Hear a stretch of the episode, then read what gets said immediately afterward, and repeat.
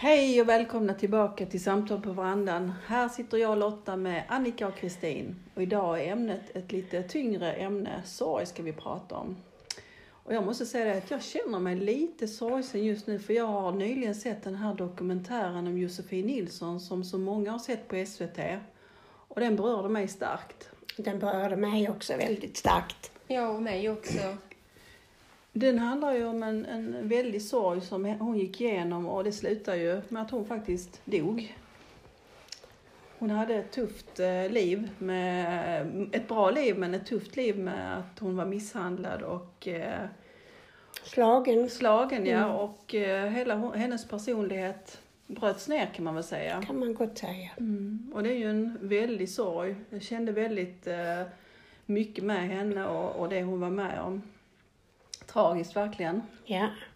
Förfärligt och att eh, ingen såg, eller om man såg så fick hon ingen hjälp. Nej, hon fick leva själv med sin Ja. sorg förutom att hon hade ju stöd av sina närmsta. Men det Såklart. var ändå en väldig ensamhet, får man uppfattningen om av den här dokumentären. Mm. Okej, det finns ju olika slags sorger. Ja. Död är ju den stora sorgen vi kanske tänker på när vi pratar om sorg. Precis, och förluster av olika slag. När människor lämnar oss eller att vi mister någonting i livet som vi har varit väldigt fästa vid. Men det kan ju också vara en olycklig barndom. Kan det vara? Det kan vara avsaknad av en älskande förälder som man inte har haft, önskat sig ha, men aldrig haft. Drömmar och förväntningar som spricker.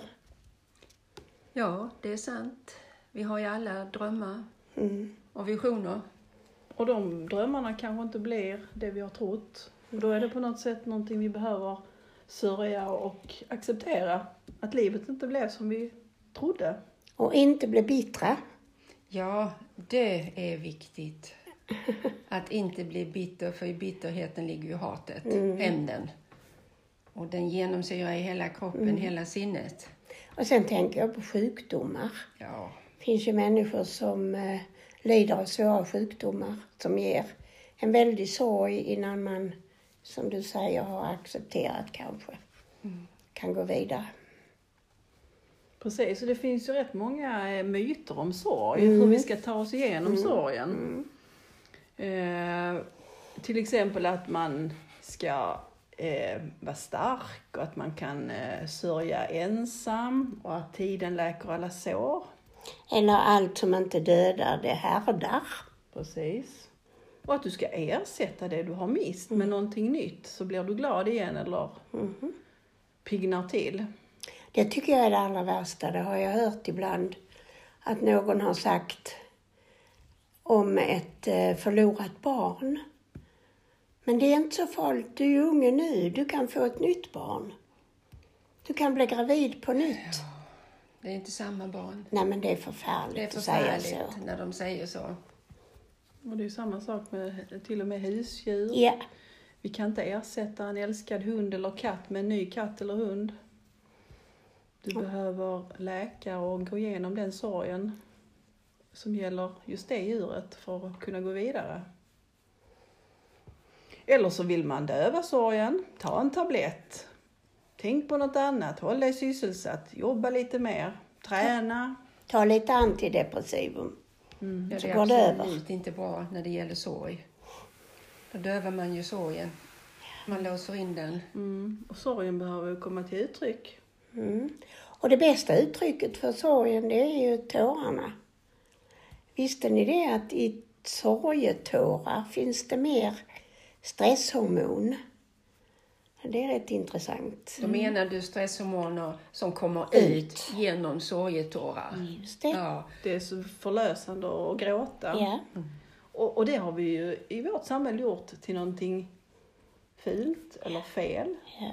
Som ska döljas, som ska snabbt torkas bort. Och det är ju bara en helt naturlig reaktion på sorg.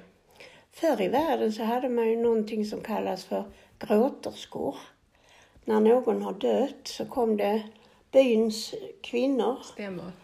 och eh, satte sig runt liket. då hade man ju också um, lik, alltså Lider parade, vad heter det på svenska? Ja. Och då um, grät, hjälpte de änkan eller änkemannen att gråta ut Mm. sin sorg. Så om vi inte tar hand om vår sorg på, på rätt sätt och låter oss vara ledsna och sörja, då kan det ju bli fastfrusen i oss. Den kan ju stanna kvar och orsaka mycket problem i våra kroppar och våra själar. Det kan det göra. För, att, för mig är det som att de kapslar in sorgen. Och när sorgen ska komma ut, då blir det ju precis som en... När läkningen är inne, då blir det ju precis som det blir en finne. Och den är ju röd innan och gör lite ont. Och sen blir det var och så trycker du ut varet, då gör det också ont. Och det efterlämnar ett ärr efter sig. Jag, Mm. Jag tänkte bara att om det är en tydlig sorg, som död och förlust, då, då vet man ju vad sorgen handlar om. Men ibland är den ju otydlig. Precis, du nämnde ju det med det här att ha varit oälskad som barn till exempel. Det måste ju vara en väldigt mycket mer svårdefinierad sorg. Och det är det jag tänker att det är viktigt att definiera sorgen i ett sånt läge. Sätta namn på den. Vad, vad är det jag går i sorgsen över egentligen? Och det kan vara nog så svårt. Och det kan ta många år innan eh, personen förstår varför går jag omkring och känner mig nedstämd? Varför känner jag inte mig älskad? Varför känner jag inte mig harmonisk? Och då kan man stanna i offermentaliteten, eller i offret. Då är det synd om mig och så blir jag ett offer. Och sen kanske till och med jag blir bitter. Och sen är jag fast i en oförlöst sorg. En del pratar ju om sorgebearbetning, men jag vet Kristin, det är ett begrepp du inte gillar.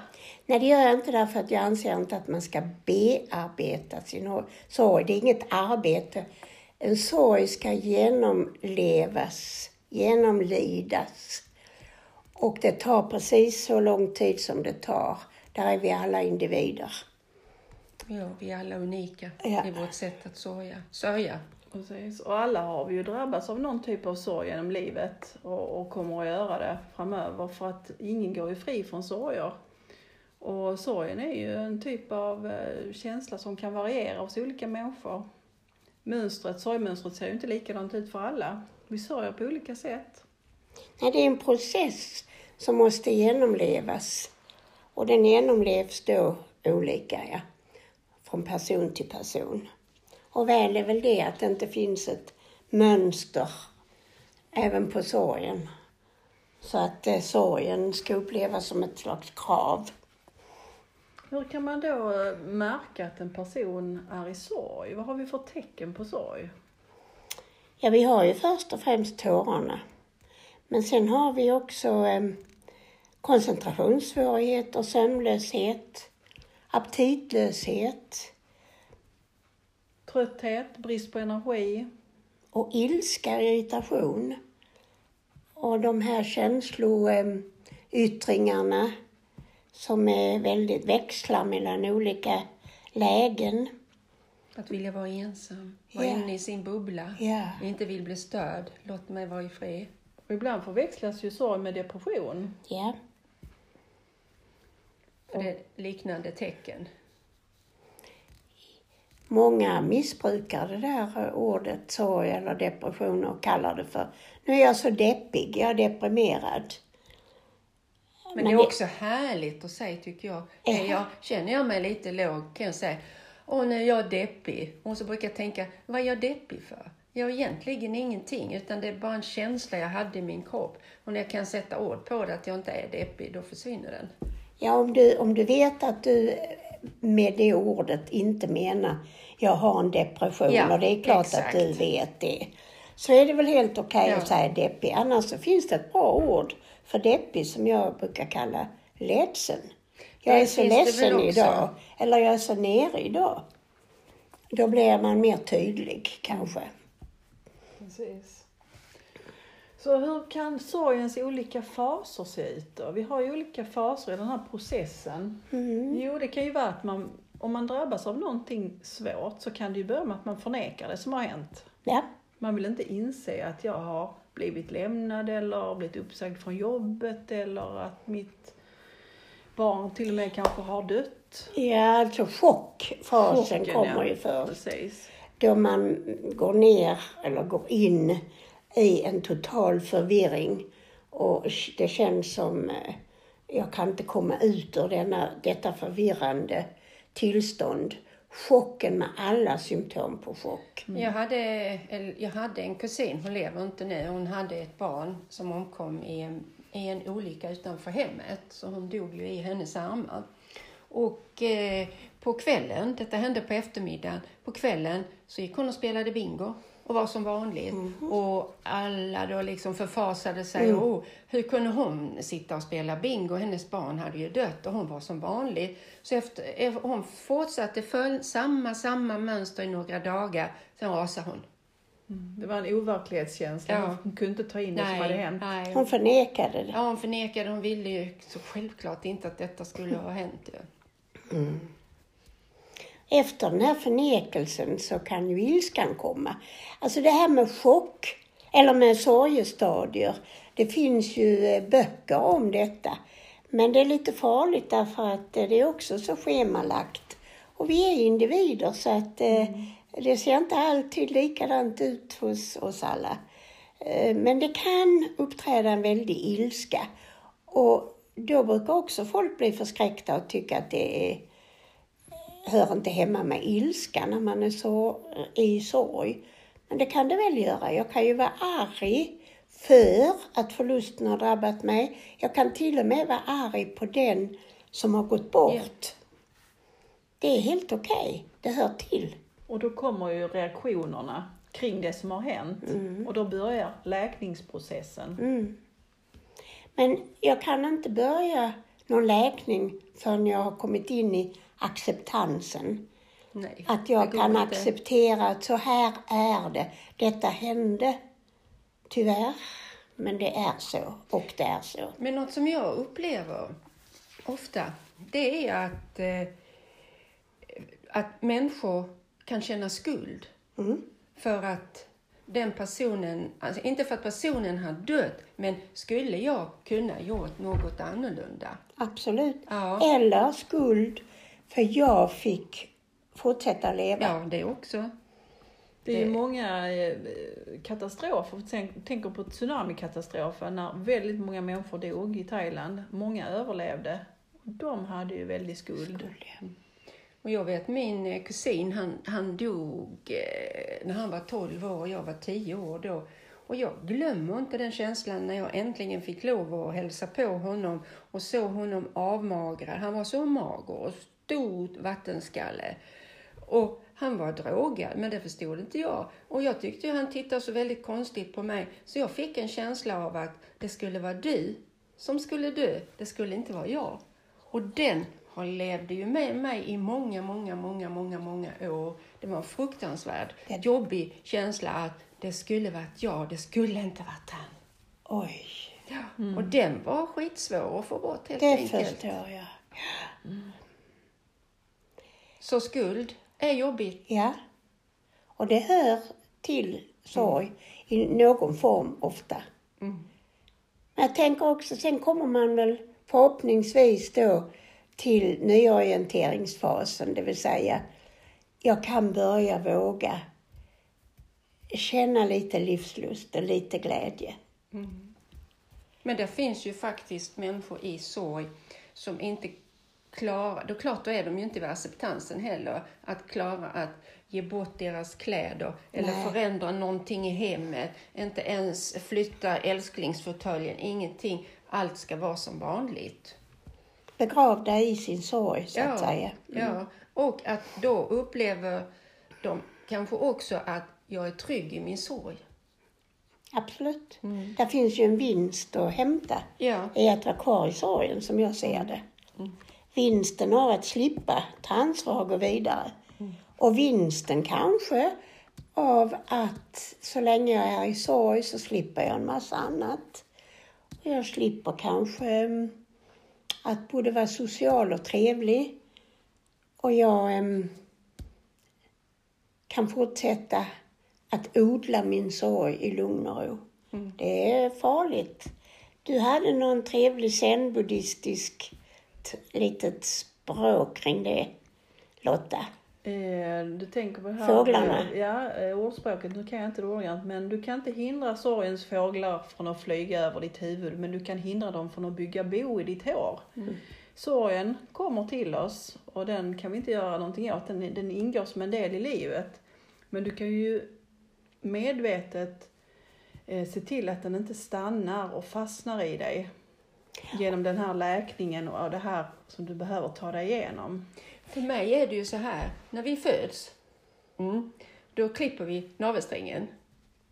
Och så fortsätter vi ju i livet och då har vi en silversträng som är förbunden med universum. Det är vackert. Ja, och eh, allt eftersom livet går för oss, då blir den ju tunnare och tunnare och tunnare. Och i själva dödsögonblicket, då brister den. Och då upphör vår kontakt med jorden. Precis som när vi föddes, då upphörde vår kontakt med universum, för vi var ju sammanlänkade ända tills vi föddes och den klipptes av.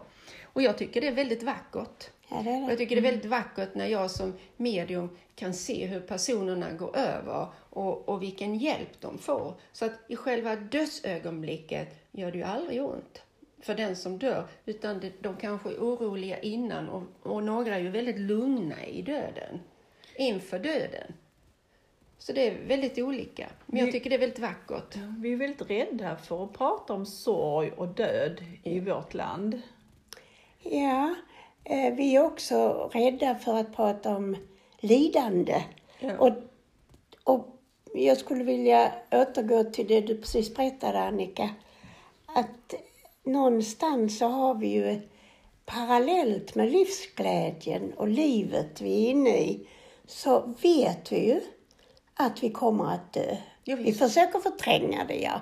Men vi vet någonstans att vi kommer att dö. Vi vet inte när och inte hur. Och eh, Buddha pratade ju mycket om lidandet.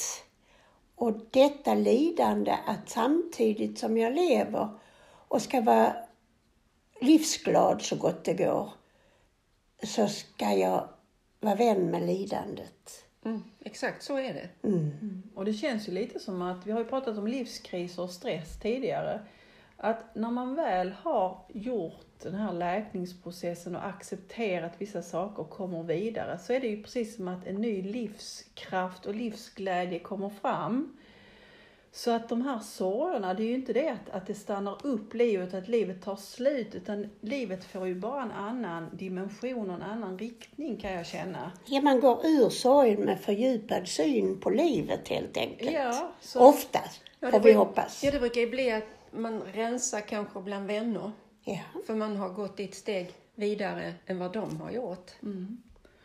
Men jag tror inte vi ska inbilla oss att alla sorger, eller ens någon sorg, helt kan genomlevas och försvinna. Jonas Gardell sa någonstans i någon bok jag har läst att eftersom sorgen är som tidvattnet så finns det stunder den kommer upp till ytan och sköljer över en med en förvånansfull styrka. Precis. Det kan ju vara en, en, en sång, en, eh, ett minne, en doft som bara plötsligt väcker sorgen. Aktualiserar sorgen, ja. Men något som jag har märkt är att det, det, det blir ju också att det blir ju inte lika jobbiga känslor efter fem år, efter Nej, nej. tio år. Och är det det man menar med att tiden läker alla sår? Ingen aning, men eh, jag tycker ju aldrig att man ska säga att tiden läker alla Nej, sår. jag det är en det hemsk myt. Det är en sån myt så.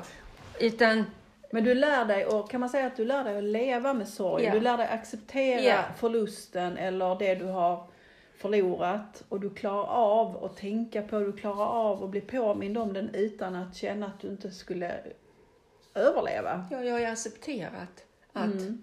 den som stod mig nära har gått bort. Mm. Jag har genomlidit alla de här kvalen, alla de här tre stegen. Och Kommit ur det. kommit ur det. För är jag kvar i det, oh, då, räck, då, då är ju sorgen fortfarande lika aktuell för mig ju.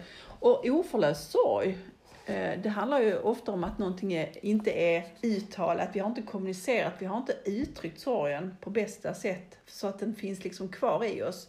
Någon som är i sorg har ju ofta behov av att få prata, få lov att liksom dela sorgen. Och det är ju det som är ett problem ibland, att omgivningen inte klarar av det.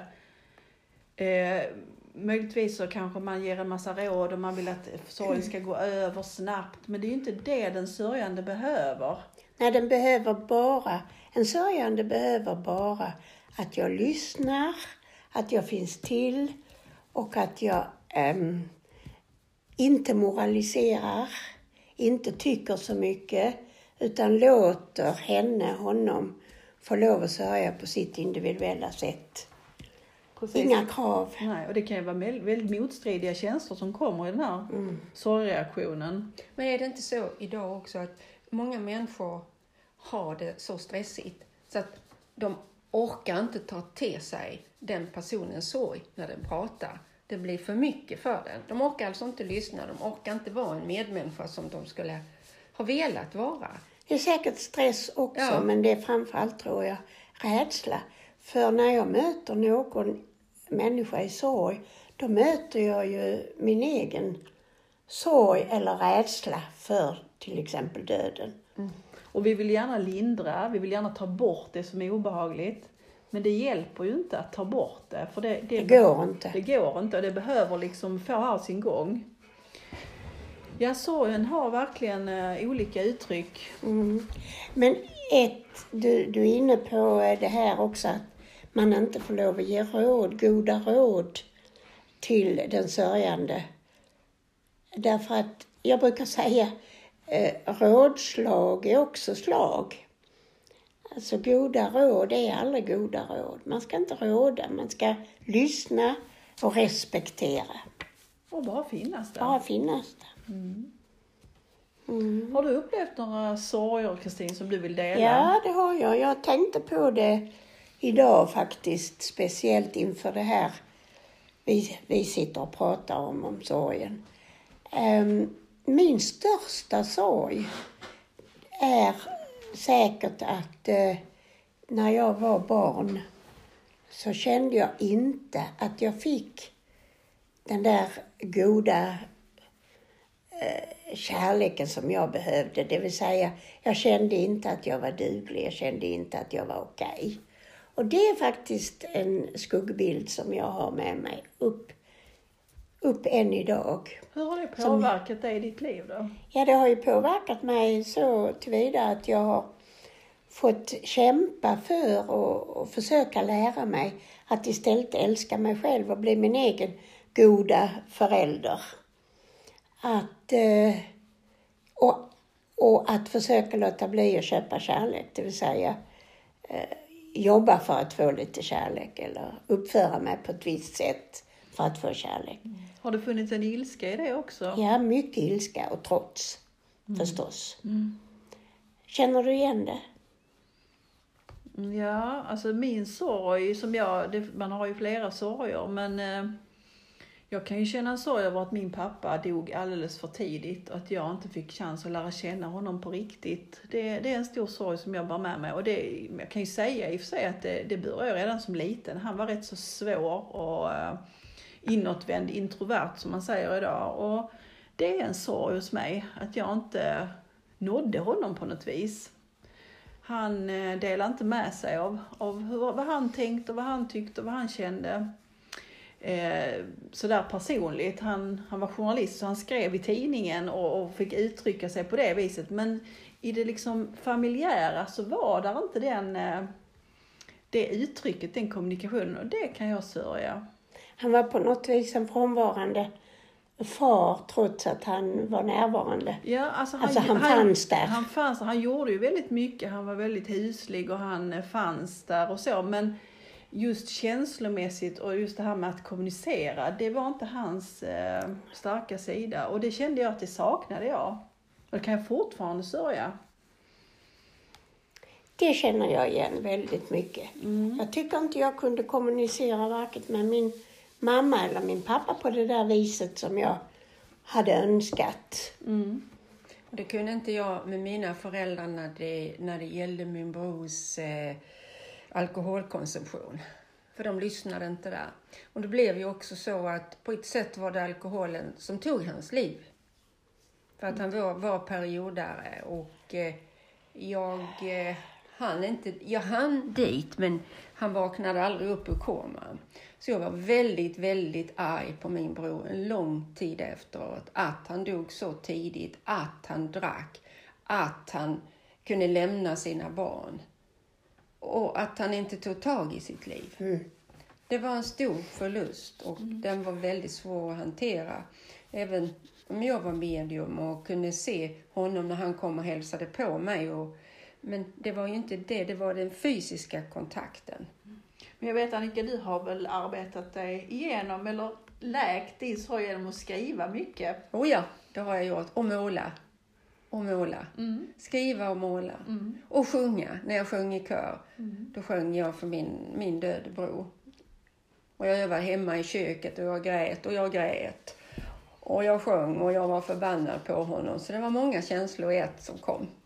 Men det bevisar ju bara att eh, vi behöver inte, vi ska inte trösta någon i sorg. För trösten finns i eh, hens tårar. Precis. Ja. Och ibland kan jag nästan känna att man längtar efter att få sörja lite. Det, det är precis som att ibland så kommer det en låt på radion eller så och då bara liksom känns det som att då går den rakt in i en och då behöver man bara få känna plötsligt och då kommer tårarna och då kommer den här oerhörda sorgen. Och sen är det på något sätt precis som att det lättar i en. Så att eh, livet ser till att man får de här eh, olika stunderna av sorgebearbetning, sorge... Ja, ja. Ja. som behövs. Den ljuva sorgen. Ja. Ja, absolut. Um, jag, jag tänkte, jag vill ändå fortsätta med det här att trösta bort sorgen, som vi är så bra på. Och som är så vill, farligt. De vill ju så väl, Ja, eller hur? ja. Det som tröstar, det är Ja. en omsorg och Ja. kärlek till den som lider. Men då kan man väl fråga sig, vad är det som ska tröstas bort? Jo, vad ska tröstas bort? Är det sorgen vi ska trösta bort? Eller ska vi trösta bort förlusten? Inget går ju att trösta bort. Nej, och det är ju samma sak som vi säger, beklagar sorgen. Egentligen är det ju att vi beklagar förlusten. Ja. För sorgen ska vi ju inte beklaga, för den är ju en naturlig process. Det är tur att vi kan känna sorg. Det kan ju till och med djuren göra. För att eh, utan sorg och utan tårar och sorgyttringar överhuvudtaget så hade vi ju stannat kvar i sorgen. Och då hade den blivit oförlöst, vilket ju är riktigt farligt. Så istället för att ge tröst så är det ju stödet som vi Ja. sa innan. Att finnas där, att lyssna, att inte döma, att inte kritisera och låta hela det här spektrat av känslor komma fram. Kontakt. Och jag tror det är viktigt att vara autentisk och ärlig när man möter någon i sorg. Så man inte försöker spela någon roll. Jag möter ju många i sorg i mitt arbete som medium med privata sittningar, alltså där man länkar upp till andevärlden och tar kontakt med de nära och kära. Ja, Så att det blir ett slags telepatiskt budskap. Och det hjälper också många i sorgen och att kunna gå vidare och acceptera att såklart. personen är död och att personen mår bra på andra sidan. Precis, att inte det är definitivt slut, att man Nej. känner att det finns någonting annat, Ja. något större. För de som tror på det. Och jag tror ju på detta för jag är född. Ett, ett annat ord som eh, används väldigt ofta när man eh, lyssnar på folk som eh, pratar eh, med en sörjande kan vara ordet förståelse. Oh ja, jag förstår vad du menar eller jag förstår precis vad du säger. Men det går inte. Nej, Ja, det där ordet förståelse, det ska vi bannlysa. Man kan aldrig förstå en annan människas eh, känslor, än mindre sorgen. För man kan bara utgå från sina egna känslor, inte den andras känslor. Man kan väl känna in på det viset att man förstår att det är en sorg. Ja, man att kan gör bekräfta- ont. Man kan bekräfta det. Mm. Man kan bekräfta och man kan ge respekt. Jag Ja. ser att du sörjer, jag Ja. ser att du har ont, jag ser att du är ledsen. Och då handlar det åter om att bli sedd i sin sorg. Men för att knyta an då till den här dokumentären om Josefin Nilsson. Mm. Det är precis som att eh, vi människor, vi behöver också samlas ibland kring olika saker där vi kan få känna, där vi kan få uttrycka oss. För eh, den här typen av dokumentärer brukar ju ge rätt så stora reaktioner. Ja, det är viktigt att inte sitta ensam på sin kammare och bearbeta saker och ting. Utan att våga prata om det. Mm. Och våga möta andra i sorgen och Ja, uttrycka det känslor. gör vi för lite. Mm. Alldeles för lite. Därför tycker jag om eh, gruppterapier i all sin form. Då man får um, upptäcka att jag är inte ensam om de här känslorna. Jag är inte ensam om att ha upplevt det här hemska. Det finns fler i gruppen som har det likadant. Det ger en väldig tröst i sig. Men gör inte som mig då. Första gången jag var på gruppterapi, jag var ung flicka. Jag var nog lite över 20, just det, jag hade fått min dotter Mia och kom in i en psykos. Efter, inte psykos, utan deprimerad efter förlo- förlossningen och jag visste inte vad det med mig. Så jag hamnade i en gruppterapi. Och det slutade med att jag satt och terapeutade dem och terapeuten. Därför att jag ville inte komma i kontakt med mina känslor. Jag tyckte det var för jobbigt. Och då är det liksom ingen mening att gå i en gruppterapi. För det handlar ju om att bejaka sina känslor, att prata ut, att våga stå för dem. Ingen gång är du så stark som när du är svag. Ja, exakt. Och det, jag ville ju aldrig vara svag. Nej. För jag föraktade svagheten. Det gör jag inte idag på långa vägar. Men då, nej, jag skulle vara stark. Och där, Ja, men det känner jag igen. Ja. Mm. Jag har också alltid velat vara stark och duglig och kapabel. Och det är ju den här my- en av myterna också. Du ska vara stark, du ska ändå bita ihop i sorgen och du ska ta dig ur den och du ska liksom snabbt komma tillbaka till jobbet. Och... För vi vill ha dig tillbaka som du var innan Ja, det du ska- fick din sorg. Det ska inte ha påverkat dig knappt utan du ska fortsätta där du var innan. Ja. annars påverkar det mig också. det är där det ligger. Ja, Men, precis. men det som vi sa i samband med livskriser, du är ju förändrad. Det är ett före och ett efter. Och det är ju samma sak med sorger. Du blir ju inte densamma. Och det är ju det vi måste acceptera, både vi själva och omgivningen. Och att få sin röst hörd. precis. När det gäller sorgen. Josefin Nilsson, om vi återknyter till henne, hon, hon, hon försökte ju få sin röst hörd. Men det var ju inga som lyssnade på henne. Och nu efter hennes död så har det ju liksom blivit en Josefinrörelse. Ja. Och nu är ju tiden mogen för det. Ja, I ja. och med metoo och hela den debatten. Så jag tror hon sitter där uppe i himlen och ger tummarna till alla kvinnor och män som kämpar. Fint. Ja, Jag brukar tänka så här att min lyhördhet ska vara lika stor som den andres längtan. Mm, det var fint. Ja, jag läste det säkert någonstans. Eller så har jag faktiskt kommit på det själv, jag vet inte.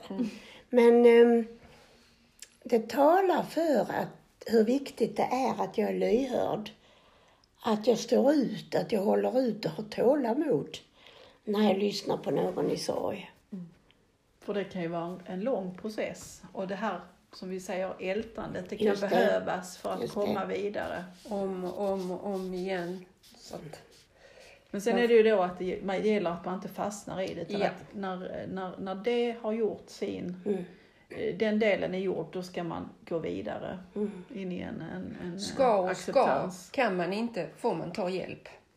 Ja, Precis. Ja, för det finns egentligen ingen regel naturligtvis, och det vet jag du inte heller menar Lotta. Det finns ingen regel för hur sorg, sor- sorgen och, och dess olika faser ser ut. Jag kommer ur den så småningom, det är väl därför man säger tiden läker alla sår. Men det är inte tiden som läker.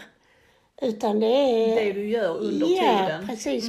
Hur jag processar det så att säga. Så det är ju inte så att eh, på ett år eller på två eller på tre år så händer det ingenting med sorgen om du inte aktivt gör någonting för att komma igenom den.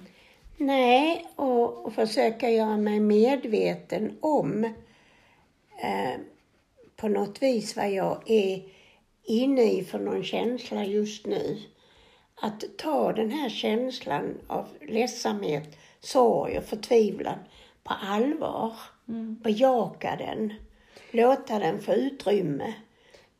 ja, men det är också så, många kan ju tro att de får ångest av sorg. kan uppleva att de är i en ångest. Absolut. Eller en depression. Ja. Och då vill ju vissa inte få kontakt med ångesten, för i ångesten ligger ju förfärligt många känslor. Mycket rädsla. Ångest är ju Ja. en enda stor rädsla. Ja, visst är det det. Det är Ja. ju en rädsla som kan ta över hela kropp, själ och sinne. Men eh, vi behöver kanske ändra vår syn på sorgen Ja. då, för att inte vara så rädda för den. Just det. Vi behöver inse att den drabbar oss alla Ja, på gör olika sätt. Oh, ja. Och, ja, Både en och flera gånger under livets gång. tar olika lång tid. Men att jag har ett visst ansvar i den här sorgeprocessen. Och det är att jag, eh, till exempel som vi sa innan, jag vågar eh, närma mig någon annan människa. Jag vågar prata, prata, prata. Du sa älta. Det är precis vad man gör när man är inne i sin sorgeprocess. Älta, man pratar, man pratar nästan ihjäl sina väninnor eller vänner. Och ehm, Och där kan ju också ske ett uppvaknande att man inser att nej, nu behöver jag gå vidare.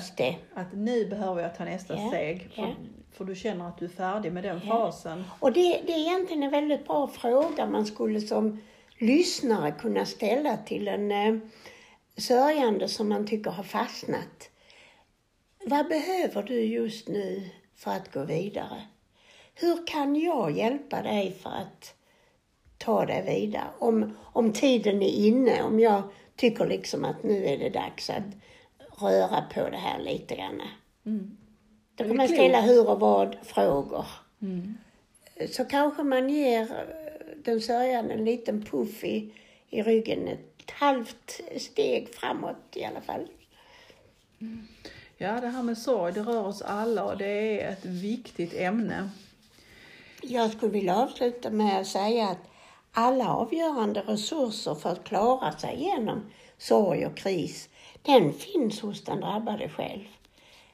Så att vi inte tror att vi måste förlösa, att vi måste hjälpa, eh, hjälpa aktivt så att säga. För vi kan inte, vi kan inte hjälpa någon ur sorgen. Mer än att vi kan lita på att det bär, att hon, han vet själv, själva hur, hur det ska gå till. Egentligen. Precis, du klarar, klarar den här läkningen på egen hand. Ja. Men, men med stöd av ett socialt nätverk. Stödja. Mm, Så du inte känner dig isolerad och ensam. För det kan ju göra att sorgen stannar kvar och inte läks. Och det, sen finns det ju faktiskt människor som inte har något socialt nätverk Mm, överhuvudtaget. Och där är det ju viktigt för dem att gå till någon terapeut i någon form eller gå till en healer, gå till någon som du har förtroende för. Och Och kyr- kyrkan, och har ju kyrkan har möjlighet sin att hjälpa folk i sorg. Så att där finns Röda Korset, ja vi skulle kunna säga så många här Ja. olika Vilken- föreningar. Vilken medmänniska som Ja. helst som Mm. kan lyssna alltså på Och- rätt sätt. Och likaså aktivt. att de inte ska vara rädda för att, att säga, att berätta om sina känslor. För många är det ju svårt, som kanske inte har pratat om sina känslor. Helt plötsligt har jag fått en stor sorg på mig. Hur ska jag hantera detta? Hur ska jag komma ur detta? Vem ska jag våga prata med? Tänk om den ser ner på mig? Tänk om den avvisar mig? Oh, tänk om den gör det och det och det? Ja, men då är vi ju kvar i vårt ekorrhjul. Mm. Därför är det viktigt att våga, att ta det där steget. Mm. Att de kommer ju må så mycket bättre när de väl har börjat. Mm. Intressant samtal det här. Vi kommer att avrunda här nu från varandan och återkommer om en vecka med ett nytt spännande tema. Helt och hållet annorlunda tema. Mm. För då ska vi prata om kärlek och förälskelse. Och besvikelse, Ja, det också. Det ingår i kärleken. det gör det. Och som tangerar, kan tangera sorgen. Absolut. Mm. Tack för att ni har lyssnat. Tack Ja, så tack. mycket. Hej och välkomna tillbaka till Samtal på verandan. Jag och Lotta sitter här med Kristin och Annika. Det är dags för podd igen och idag kommer vi prata om skam och skuld. Skammen handlar ju om det här med att vi skäms över vilka vi är. Och den uppstår tidigt i livet. Eh, det kan ju vara så att du går och ältar dina misstag och allt som har misslyckats i livet. Eller du har svårt att ta kritik. Eller att du kanske hör att du är svår att komma in på livet, att du skäms över den du är så att du döljer vem du är. Så kan skammen visa sig. Hur ser du på skam, Kristin? Ja, jag ser som du att em, skammen etablerar sig ju, eller uppstår tidigt i barndomen. Skam över att de vuxna, mina föräldrar till exempel, gjorde mig illa eller inte älskade mig tillräckligt mycket. Och skammen handlar ju om vem jag är. Jag är inte okej. Jag är en misslyckad person. Inte vad jag gör, för det pratar vi om när vi pratar om skuld, utan just vad jag är. Så den sitter ju oerhört djup i oss och är svår också att eh, plocka bort. Men vi har, vi har eh, exempel på hur man kan eh, bli av med sin skam. Precis, och man kan ju också skämmas över att man eh, är på ett sätt som man inte vill vara. Man kan vara blyg, man kan vara försiktig, man kan vara känslig, man kan känna att man står utanför när man är yngre och då kan det bli en väldig skam i det här att inte få vara en del i gemenskapen. Och jag vet när jag var liten så, ja, eller så jag helt enkelt var rädd för att framstå som svag. Skämdes du över din, eh, eller att du skulle framstå som svag? Ja, för att jag fick hela tiden vara stark. För jag fick vara förälder till, mina föräldrar. Jag fick alltid lära mig att jag ska lita på mig själv. Jag kan inte lita på de vuxna. Och då i det så kände jag också skam. Att jag behövde tänka och känna så. Och då var jag, var jag ju också rädd att visa min svaghet inför dem. Därför blev jag ju stark. Alltså vi skäms över att vi skäms. Ja, ja exakt. ja, exakt. Jag kan känna själv att jag har alltid varit en känslig person och det har legat mig lite I fatet. I fatet känner jag att, att det har, när jag var yngre så betraktades det som en, kände jag en svaghet att vara för känslig. Man pratade om att vara överkänslig, att reagera för starkt på saker. Och under livets gång har jag ju lärt mig att känslighet är ju egentligen en gåva. Och, och fått bygga upp den eh, eh, självbilden att, att att, att ha tillgång till sina känslor är ju bara någonting positivt. Sen kan det vara tufft i vissa situationer när man känner väldigt mycket och det är väldigt kraftfullt med känslor. Men jag, jag brottades i många år med det här med att känna någon form av skam över att jag var känslig. Och nu är det min faktiskt största tillgång tycker jag i mötet med andra människor. Men då har du ju på något vis bejakat din skam, tror jag. För att en av de stora försvarsstrategierna mot skam, det är väl att vara okänslig för andra, bli tuff, inte våga visa, som du sa Annika, sin egen svaghet. För då, det sitter ju djupt förankrat i oss. Visar vi vår egen svaghet, eh, eller gjorde vi det när vi var grottmänniskor, så kunde det ju innebära att vi blev dödade. Men det värsta var ju också, Kristina, att jag föraktade mig själv. Mm. Och du skämdes över dig själv? Ja, jag föraktade mig själv. Ja, förakt är ju kopplat till skam. Ja, jag vet. Och det, det, men det var en jättejobbig känsla. Och det var likadant det där som du sa nu Lotta, med högkänslighet. Jag var ju högkänslig. När jag fick till mig från, då från de döda från andra sidan och skulle berätta det, då fick jag en knäpp på näsan. För så skulle man ju inte säga, för då var man ju tokig. Då skämdes jag. Och börja förneka din förmåga? Ja. Mm. Alltså man behöver känna av, känna sin egen svaghet. Man, man behöver lära sig under livets gång att bejaka sin egen svaghet och bejaka sin skam och sin rädsla för att kunna se den hos andra människor. För att kunna, eh, för att det växer upp en empati i mig och en, ja, en medmänsklighet. Hur bejakar jag den? Hur bevakar människor den? Bejaka? Ja, alltså man kan, om man har lärt sig tidigt att det är skämmigt att skämmas, så att man har en strategi, försvarsstrategi. Om man sen som vuxen vill lära sig att bejaka sin skam, så brukar jag säga att det finns bara ett sätt och det är att kyssa skiten. Det låter ju väldigt brutalt, men det innebär att våga skamma sig så.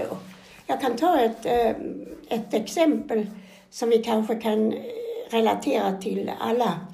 Om man trillar platt fall på en eh, trottoar så blir man ofta väldigt generad, skäms och ska ta sig upp kvickt innan någon kommer till hjälp. Det Eller är, hur? det är ju lustigt att, att trilla, att falla. Mm. Det är så pinsamt i Ja, många men det är ju en metafor i det. Ja. Falla ner i min hjälplöshet, Ja. i min skam.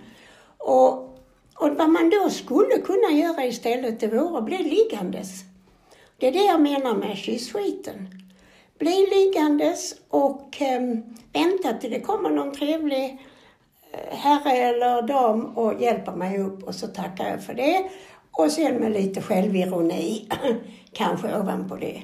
Nej, för problemet är ju när vi börjar då skämmas och dölja vad vi har gjort. Vi ska inte låtsas om det. Istället för att stå upp för att det här hände och stå upp för det och inte göra så stor grej av det.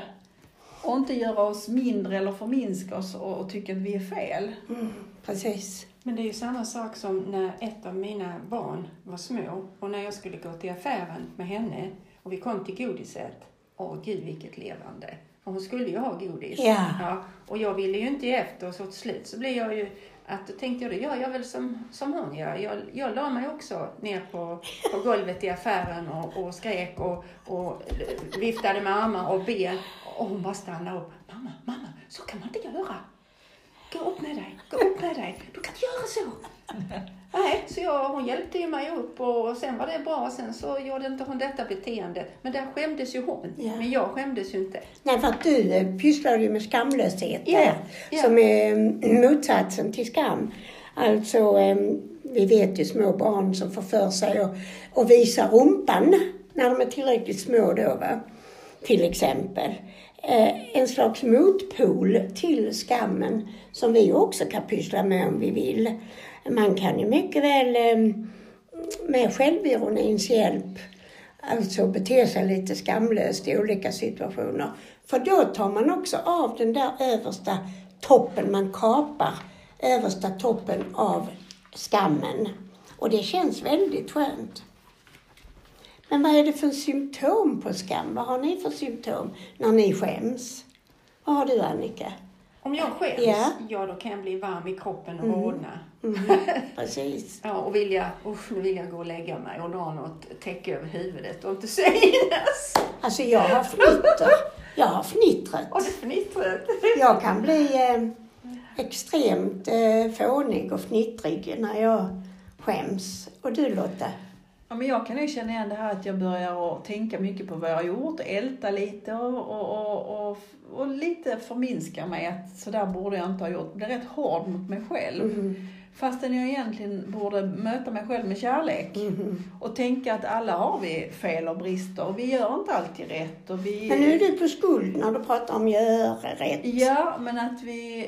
Ja, precis. Men man kan ju skämmas ändå. Ja, Man kan ju skämmas över att man inte har gjort rätt saker.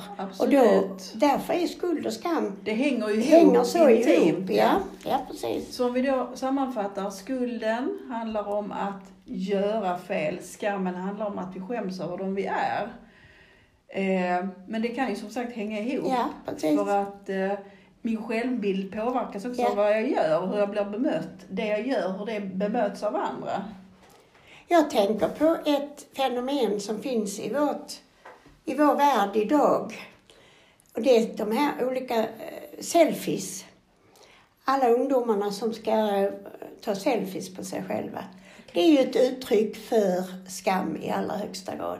Jag känner mig inte okej. Och så tar man tio olika selfies tills man kanske är, är nöjd. Med en viss vinkel, en viss min, Ja. ett visst uttryck Ja. som jag vill eh, dela med andra. Ja, alltså bekräftelsesökandet Mm. hela tiden. Jag behöver bekräfta mig själv för det är just det jag inte tyckte jag fick när jag var barn. Så den som känner sig älskad trots fel och brister känner ju ingen skam. Nej, inte. Eh, jo, men man kan väl känna skam som vuxen när man har... Eh, jo, men det kan man. Jag, jag, jag ska berätta en historia när jag var vuxen. Jag var omkring 25 år. Jag kom hem till mina föräldrar på besök och jag hade köpt nya fina kläder. Och min mamma blev bums intresserad av de här kläderna och frågade om hon fick prova dem. Och då tänkte jag mitt stilla sinne, om de sitter bra på henne ska hon faktiskt få dem när jag, innan jag, när jag åker hem igen. Hon tog på sig eh, kläderna och så ropade hon på min pappa och så sa hon Titta här vad fin jag är i de här kläderna. Visst är jag väl mycket, mycket finare än Kristin i de här. Och då rammade det min skam. Jag, jag trillade rakt ner i min barndoms skam. Det var ju min mamma som sa det. Det var hon som mycket skambelade mig när jag var liten. Och nu var jag igen inte lika vacker som hon. Lite grann som sagan om ehm, den, ja, den stränga och stygga styvmodern. Så att det slutade med att eh, naturligtvis fick hon inga kläder när jag åkte hem, eller hur? Mm. Men jag bestämde mig där att det måste jag ta tag i. Den här skammen vill jag inte gå med. Barndomens skam. Mm. Så att jag tror att skammen finns där från början när vi är små. Mm. Och sen kan den komma upp i olika situationer så länge vi lever. Vi blir liksom triggade i olika situationer ja, ja. som påminner oss. Ja. Mm. För jag hör ju väldigt många som säger att jag inte är värd att älskas. Usch, ja, det är väl ja, Och där ligger ju skammen mm. i det att inte ha blivit älskad på det sätt som barnet behövde när det var liten ju. Mm. Men eh, jag tänker också på det här med övergrepp. För jag har ju blivit utsatt för flera övergrepp. Och det, dels när jag var sex år. Och jag, jag tyckte det var, ja, det var ju fruktansvärt jobbigt. Men jag fick ju som skam efter det. Jag kände ju som fruktans, fruktansvärd skam. Och också för att de människorna till anhöriga till den här mannen, eller unge mannen, de skuldbelagde mig att det var mig som det var fel på kallade mig för hora och att det var jag som hade lockat honom. Men vad Fabian, jag var sex år. Och han var 18 år. Så det var otroligt mycket skam i det och rädsla framför allt. Att, och tilliten till människor, att möta andra män och vara, och jag kände ju bara, hosch, jag vill springa och gömma mig. Fick du någon hjälp Annika med Nej. den skammen? Nej, på den tiden eh, sa ju polisen så här till mina föräldrar att ni ska inte prata om det, utan mm. hon kommer att glömma det med tiden, vilket jag aldrig gjorde. Såklart inte. Det var en märklig inställning. Ja, det var så tiden på min skulle, tid. skulle göra att du glömde det som ja, hade hänt. Ja, för ju mer tiden går desto mer kommer minnena att blekna och ärren. Och det tror jag är väldigt vanligt i vårt samhälle. Att vi skäms över att vi blir illa behandlade. Mm. I ett äktenskap, utav vänner kanske på arbetet. Mm. Men vi kan ju vara säkra på att, att bara glömma bort och trycka ner och trycka undan och skyla över, det är ju ingen bra metod för skammen kommer ju kapp oss. Visst. I någon form av, av, av livskris eller i vissa situationer så dyker den ju upp och då måste vi ta tag i den. Mm. För den vill säga någonting till oss. Absolut. Men det är det här, det, jag, jag fick ett telefonsamtal igår. Det var en kvinna, hon är i ett förhållande. Och de har ju börjat bråka mer och mer och mer. Och där mannen alltid eh, säger att det är hennes fel. Så att hon känner ju skam i detta. Men hon förstår, de förstår inte heller vad det är som är problemet i förhållandet. Eftersom att de ger sig på varandra ja. på olika sätt. Ja, hon känner väl kanske just detta att hon inte är okej okay ihop med honom eller att han inte tycker att hon är okej. Okay. Och då känner hon, då är jag inte okej. Okay. Ja, och det här skammen att vara svag. Ja, precis. Att ständigt söka bekräftelse. Ja, ja, ja. Alltså skam, för mycket skam, riktigt mycket skam hos en människa, det kan ju skapa väldig ohälsa. Man kan bli deprimerad, man kan få ångest, Fobierna härstammar ur skammen. Missbruk. Mm. Och sen kan vi ju börja hantera skammen på olika sätt genom att ställa orimliga krav på oss. Vi kan börja mm. högprestera och jobba för mycket och prestera för att få bort den här skammen. Eller så kanske vi blir passiva och underpresterar. Vi orkar ingenting till slut. Vi gör ger upp. Vi, vi ger upp och sänker, sänker liksom kraven på oss själva. Skjuter upp saker, blir aldrig färdiga för att vi skäms. Så man kan säga då, vad ska vi göra när vi känner att nu är det dags att ta itu med den här skammen. Nu vill jag inte ha så mycket skam i min kropp längre. Nämligen den skammen som etablerade sig i mig när jag var liten på grund av okärlek, ni vet. Ja, Ja. Men, men, det var väl det bästa där, för då har man kommit till insikt Ja. om att det är någonting som inte stämmer i kroppen. Och det är först det man måste komma till insikt. Sen kommer ju förändring. Och acceptera att jag har skam i mig. Precis, börja våga titta på det. Ja. Jag börjar våga eh, agera trots att jag har skam. Jag är skamfylld, jag skäms och jag ställer mig här framför, ehm, jag tänker på dig Lotta som har varit lärare, framför en klass i alla fall. Jag är skämmig, eller jag skäms och jag gör det i alla fall. För då så småningom så, så blir skammen mindre och mindre. Precis. Man kan ju säga att jag har utmanat mig själv. Jag var väldigt blyg när jag var liten. Mm. Men jag valde yrken där jag behövde konfronteras med den här känslan Precis. och övervinna.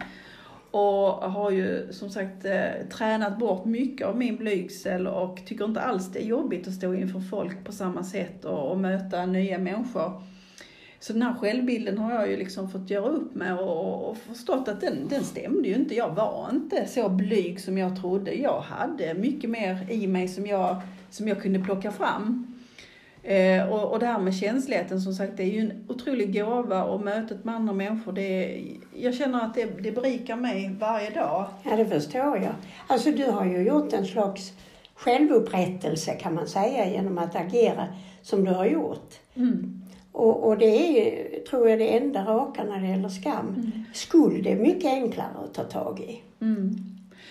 Men det är många klienter också som jag har som, som vill prata om det här med känslighet, som har skämts över sig själva och har fått höra att de har varit överkänsliga till exempel. Senast idag hade jag en klient som har varit väldigt eh, ledsen över det, att hon har känt sig fel nästan hela sitt liv för att hon har eh, överreagerat, varit för känslig, hon har varit konstig, hon har, eh, folk har inte förstått henne, så hon har känt sig utanför.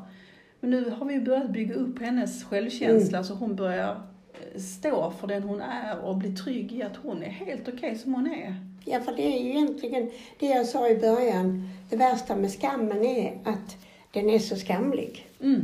Kommer man bara underfund med att eh, jag är okej trots att jag kanske är både överkänslig och, och lätt för skam. Eller högkänslig Eller som vi ska kalla det. Ja, ja, förlåt. Ja. Mm. Det är jag som är gammalmodig. Jag vill, jag vill inte riktigt ha det där med högkänslighet. Nej. Men eh, det, det, eh, eh, eh, det är helt okej. Men i alla fall att stå upp för det, då eh, kapar man ju också skamtopparna. Mm. Men det här med skuld, ska vi börja titta på det lite? Skuld är ju det då vi, vi gör. Skuldkänslorna Mm. utgår från. Eller inte gör. Ja, precis. När vi känner oss skyldiga så kan vi ju erkänna detta. Och så kan vi be om ursäkt eventuellt, eller förlåtelse. Och då kan vi ju eh, söka bot och reparera skadan. Och på det viset så, ehm, så är ju skuld reparabelt på ett mycket enklare och ytligare sätt kan man säga. Va? Ja, vi kan be om ursäkt, vi kan Mm. förklara oss. Ja. Vi kan förändra ett beteende. Och den uppstår ju då när vi, men också när vi inte lyckas leva upp till våra egna värderingar. Så det kan ju vara på ett djupare plan också. Mm. Och jag vill komma in där på ett djupare plan, för det är ju så också att eh, om pappan dör och så kanske pappan har druckit och rökat väldigt mycket, så han kanske har dött tidigare än vad han egentligen skulle ha gjort. Och då får ju den, an, den anhörige är ju arg på honom och känner besvikelse och sånt. Och då, då blir det ju att hon kan inte prata med honom så här, för han finns ju inte närvarande. Men eh, de, de på andra sidan, de vill ju väldigt gärna hjälpa till med att eh, kontakta dem, att, att den anhörige också får kontakt. Och befria från skuld, Ja, tänker du? ja Mm. att de liksom, och de kan ju, om de då inte själva ser den som är död eller kan höra den, då kan de ju skriva ett brev till den döde och de kan tänka de tankarna som de skulle vilja förmedla Och också att prata högt. För de som är döda, avlidna, de rör ju sig fritt i universum. Och de hör ju våra tankar. De hör ju och känner ju allting som vi sänder ut. Och de vill ju ingenting mer än att försonas, än att rätta upp det. För de vill ju inte att människor här ska gå på jorden och känna skuldkänslor gentemot dem ju. Underbar tanke, Annika. Ja, Så du menar att man har förlorat en, eh, en, en släkting, vän, förälder eh, tidigt och man känner skuld över att man kanske inte gjorde tillräckligt, man eh, förmådde inte hjälpa den personen av olika anledningar, så kan man försonas Mm. Ja. även efter att Ja. den här människan har avlidit. ja. Genom att tänka goda tankar, tänka Inte tänka goda tankar, utan tänka de tankarna som du skulle vilja säga. tänka, eh, se det som en kommunikation helt ja, enkelt. helt enkelt en kommunikation högre upp. Mm. Mm. Det är ju det jag eh, kan använda mig av den heta stolen till. Ja, ja. Då man kan sätta även en avliden person ja. Mm. och kommunicera som du säger med den här em, personen och få sagt äntligen allt det där som jag fortfarande går och bär på. Och det är en fantastisk metod. Och då kan det ju ske en försoning ja visst. i mig Ja. när jag får den Och med möjligheten. Mm. Ja, med, ja, ja, såklart. Mellan er. Ja, ja. att det gäller ju att antingen skriver man ett brev eller tänker de tankarna som man vill förmedla. Eller så kan man prata högt om det man vill. Man kan känna en, en fysisk närvaro i rummet. Känner du ofta att de avlidna vill ha den här försoningen Oh ja. och den här kontakten? Att Oh det är ja. det de strävar efter? De vill ju hjälpa de som är kvar på jorden, för de ser och de, och de känner ju hur de mår ju. Och man ska inte vara rädd att de som är, de, kan, de som är från andra sidan, de ser ju inte oss som den gestalten vi är. Nej. Utan det är ju våra energier och vår ljuskropp. De fångar upp, så om du står och duschar, då ser de ju inte dig naken. Nej, nej. Utan då ser Kan ju vara fysiska, fysiska och ljuskroppen, energierna helt enkelt. Och det är så fantastiskt tycker jag. För att när en försoning sker, det släpper ju så otroligt mycket i, i den anhöriga, en lättnad. Visst.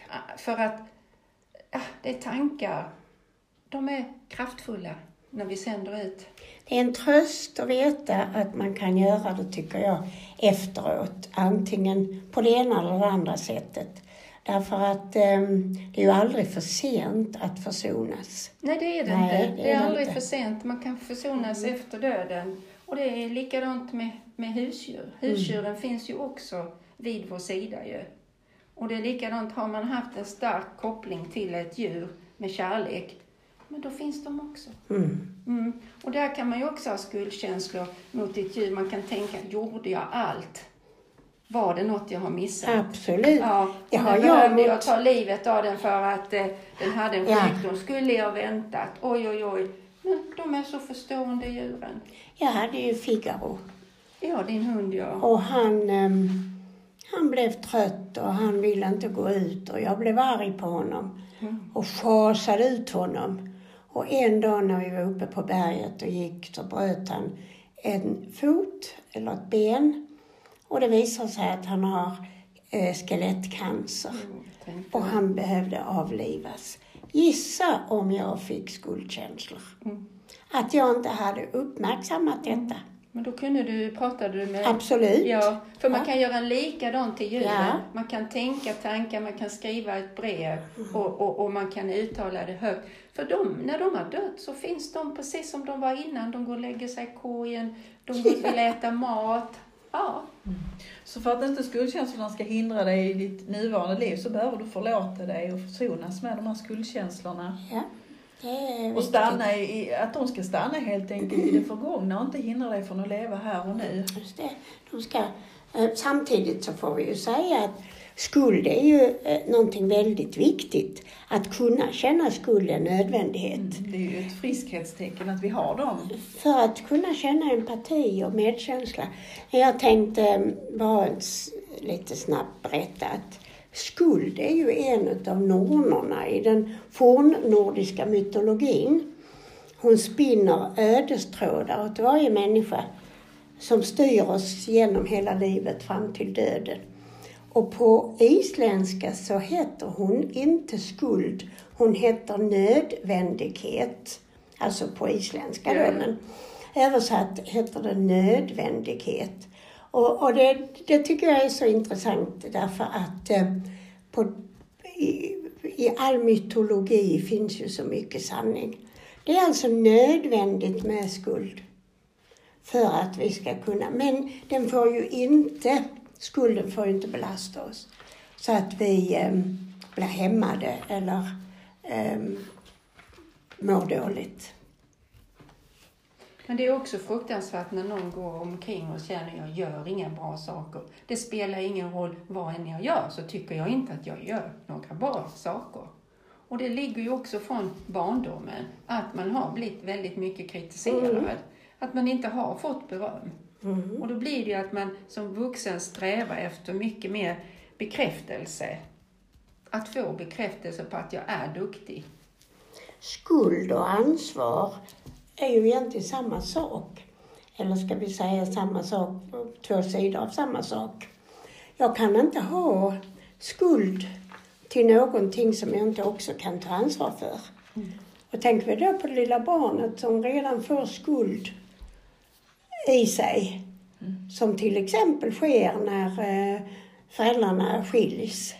Då tänker ofta barn, det är mitt fel därför att jag eh, inte är eh, snäll eller jag har belastat pappa för mycket. Det är därför han inte längre vill vara gift med oss. Och då tar barnet på sig skuld och det, det är någonting jag kallar för skuldkänslor då. Men det kan vi väl ta, fördjupa oss i nästa gång kanske. Kan vi göra För det är på mycket brett kvar på ämne. skulden här att prata om känner jag. Absolut. Så, Så skuld och skam det är naturliga känslor som alla människor bär på i olika perioder av livet. Och just skamkänslorna kan uppstå tidigt när man är liten. Men vi behöver också få syn på dem och bearbeta dem och ibland kan man behöva hjälp med det. Absolut. Och det kan ju bara börja prata med sina vänner eller med sin familj kan ju vara ett första steg. Man behöver kanske inte gå till en terapeut eller psykolog men alltså det kan ju vara, om det är en djupare form av skuld och skam kan man behöva den typen av Då hjälp. får vi väl ändå rekommendera det. Absolut. Men Men- att våga visa sårbarhet, våga visa vem man är, det är ju ett första steg. Och, och stå för det. Och inte vara rädd för att ta, ta kontakt med det som har avlidit. Om man har något som man vill försonas med. Ja, ja. Försoning är väl det stora övergripande ordet här. Men eh, jag tänker också vad trevligt det skulle vara om man ställer till en fest. Och istället för att prata politik och annat, kläder kanske och vad vet jag, att man då eh, säger idag tycker jag vi ska prata lite om skuld och skam, eller bara skam kanske.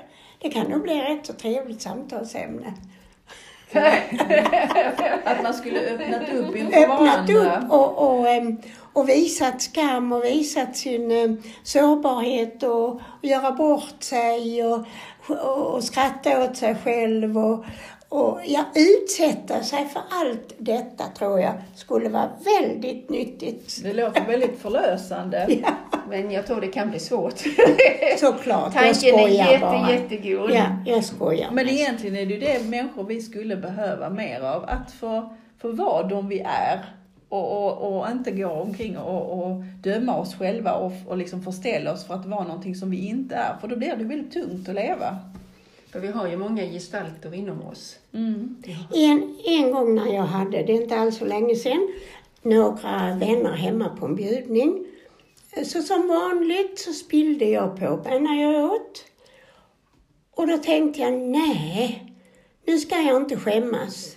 Nu gör jag så istället att jag puttar omkull eh, glaset så det rann ut rödvin över hela duken. Så sa jag, okej, nu har värdinnan spilt ut, nu får ni också spilla på er själva eller på duken vad ni vill. Och det blev väldigt förlösande. Alla skrattade och ehm, inte minst jag mådde mycket bättre. Eller hur? Jo, men på något sätt där så blev du ju en sån här... äh, Katalysator. Ja, ja, ja precis. ja. Men det var väl lite meningen. Jag förstår ja, det. Jag förstår ja, det. Ja. Ja, då eh, tackar vi för att ni har lyssnat på vår podd om skuld och skam och vi hörs av igen om ett tag. Och då kommer vi fortsätta prata om skuldkänslor. Ha det bra till dess. Hej då! Hej då! Hej, hej.